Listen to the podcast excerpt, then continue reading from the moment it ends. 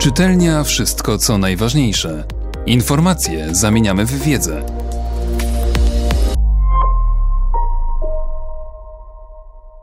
Profesor George Weigel Jan Paweł II Jeden z wielkich wyzwolicieli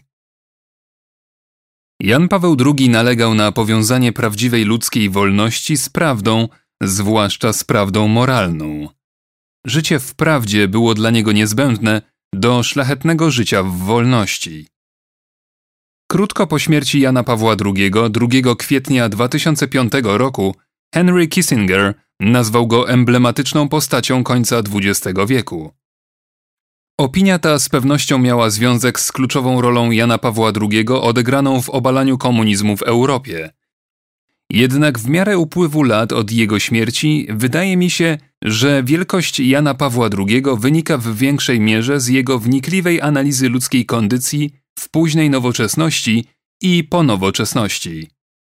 Te spostrzeżenia wyrosły z jego solidnej wiary, która z kolei dała mu niezwykłą zdolność widzenia świata z biblijnej perspektywy, z jego intensywnego życia intelektualnego, dzięki któremu rozumiał to, co widział, wreszcie z jego bogatych doświadczeń duszpasterskich, które pomogły mu zrozumieć skutki tego, co widział i analizował w codziennym życiu ludzi. Wiedział on i uczył, że cywilizacyjny projekt, który nazywamy Zachodem, wyrósł z owocnych interakcji Jerozolimy, Aten i Rzymu. Opartego na biblijnej religii nauczania, że życie jest pielgrzymką i wymagającym odwagi poszukiwaniem, greckiego zaufania do zdolności rozumu do poznania prawdy, rzymskiego przekonania, że praworządność jest nadrzędna wobec zasady brutalnej siły.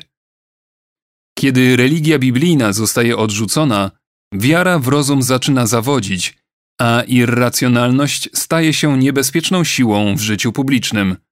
Widząc to wszystko, Jan Paweł II był niezwykle przewidujący w odniesieniu do cywilizacyjnego kryzysu moralnego Zachodu XXI wieku. Wiedział on i uczył, że ludzkość jest teotropiczna. Duch ludzki ma wrodzoną tęsknotę za tym, co boskie i trwałą potrzebę kultu. Więc jeśli nie zostaną znalezione prawdziwe przedmioty wiary i kultu, staną się nimi przedmioty fałszywe. W ten sposób samodzielnie skonstruowane więzienie sekularyzmu osłabia ducha ludzkiego, kusząc go do oddawania czci bogom fałszywym, jak bogactwo i władza. Wiedział on i nauczał, że Bóg nie jest rywalem ludzkości, rodzajem superistoty konkurującej z innymi istotami. Zamiast tego Jan Paweł II za świętym Tomaszem z Akwinu powtarzał, że Bóg jest samą istotą. Bóg, który przedstawił się Mojżeszowi jako Jestem, który jestem, Księga Wyjścia, trzeci rozdział, trzynasty werset, jest ipsum esse subsistens filozofów, tym, co czyni wszystko inne możliwym. Ateistyczni humaniści XIX stulecia Kant, Feuerbach, Marx, Nietzsche zawsze błędnie to rozumieli, podobnie jak nowi ateiści z końca XX i XXI wieku Dawkins, Dennett, Harris, Hitchens. Bóg nie jest konkurentem ludzkości. Bóg Biblii jest dla ludzkości wyzwolicielem. Wiedząc o tym, Jan Paweł II mógł sam nieść wyzwolenie. Wiedział on i nauczał, że wybór to nie wszystko, a wolność bez powiązania z prawdą i dobrocią staje się naiwna. Jan Paweł II zrozumiał, że mylenie wolności ze zwykłą samowolą prowadzi demokrację nieuchronnie ku samozniszczeniu. Bo jeśli istnieje tylko moja prawda i twoja prawda, gdy nasze prawdy rozmijają się, nie ma innej drogi, aby uzgodnić różnicę jak tylko ta, na której narzucisz mi swoją władzę lub ja narzucę ci moją. XX wiek powinien był nauczyć ludzkość, do czego prowadzi samowola oderwana od prawdy, gułak, nazistowskie obozy zagłady i hołodomor ukraiński.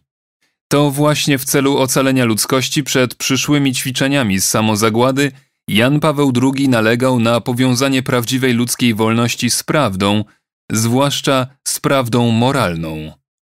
Życie w prawdzie było dla niego niezbędne do szlachetnego życia w wolności. Wiedział on i nauczał, że wolne społeczeństwo XXI wieku musi składać się z demokratycznej wspólnoty, gospodarki zorientowanej na rynek i tętniącej życiem publicznej kultury moralnej. A kultura była kluczem do prawdziwie uwolnionego życia politycznego i gospodarczego, odzwierciedlającego godność osoby ludzkiej. Nie przyszło mu nigdy żyć w dojrzałej demokracji ani właściwie funkcjonującej gospodarce rynkowej, ale Jan Paweł II zrozumiał jednak, że demokracja i rynek nie są maszynami, które same się rządzą. Systemem demokratycznej polityki i wolnej ekonomii muszą kierować ludzie cnoty, jeśli te wolne instytucje nie mają stać się autodestrukcyjne. Wiedział on i nauczał, że pamięć historyczna musi zostać oczyszczona z kłamstw, aby w przyszłości uniknąć często śmiertelnych błędów przeszłości.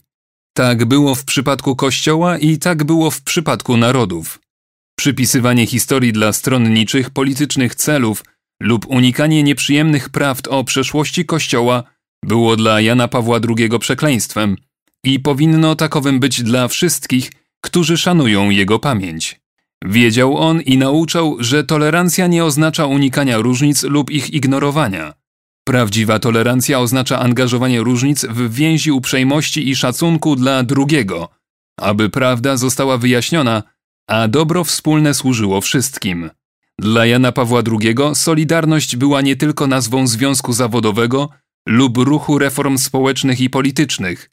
Solidarność była także konieczną cnotą wolnego społeczeństwa. Solidarność zaś opiera się na prawdziwej tolerancji. Wiedział on i nauczał, że patriotyzmu nie należy mylić ze ślepym nacjonalizmem, który odbiera drugiemu to, o co zabiega dla własnej ojczyzny. W czasach sceptycyzmu, cynizmu i sekularyzacji uderzające jest to, że wszystkie te spostrzeżenia i konkluzje płynęły w taki czy inny sposób z przekonania Jana Pawła II, że Jezus Chrystus jest odpowiedzią na pytanie, którym jest życie każdego człowieka. To przekonanie otworzyło Jana Pawła II na szeroki świat rozmów z tymi, którzy byli inni. Rozbudziło na nowo Kościół katolicki i uczyniło tego papieża jednym z wielkich wyzwolicieli. Czytelnia Wszystko co najważniejsze. Czytał Mateusz Mleczko.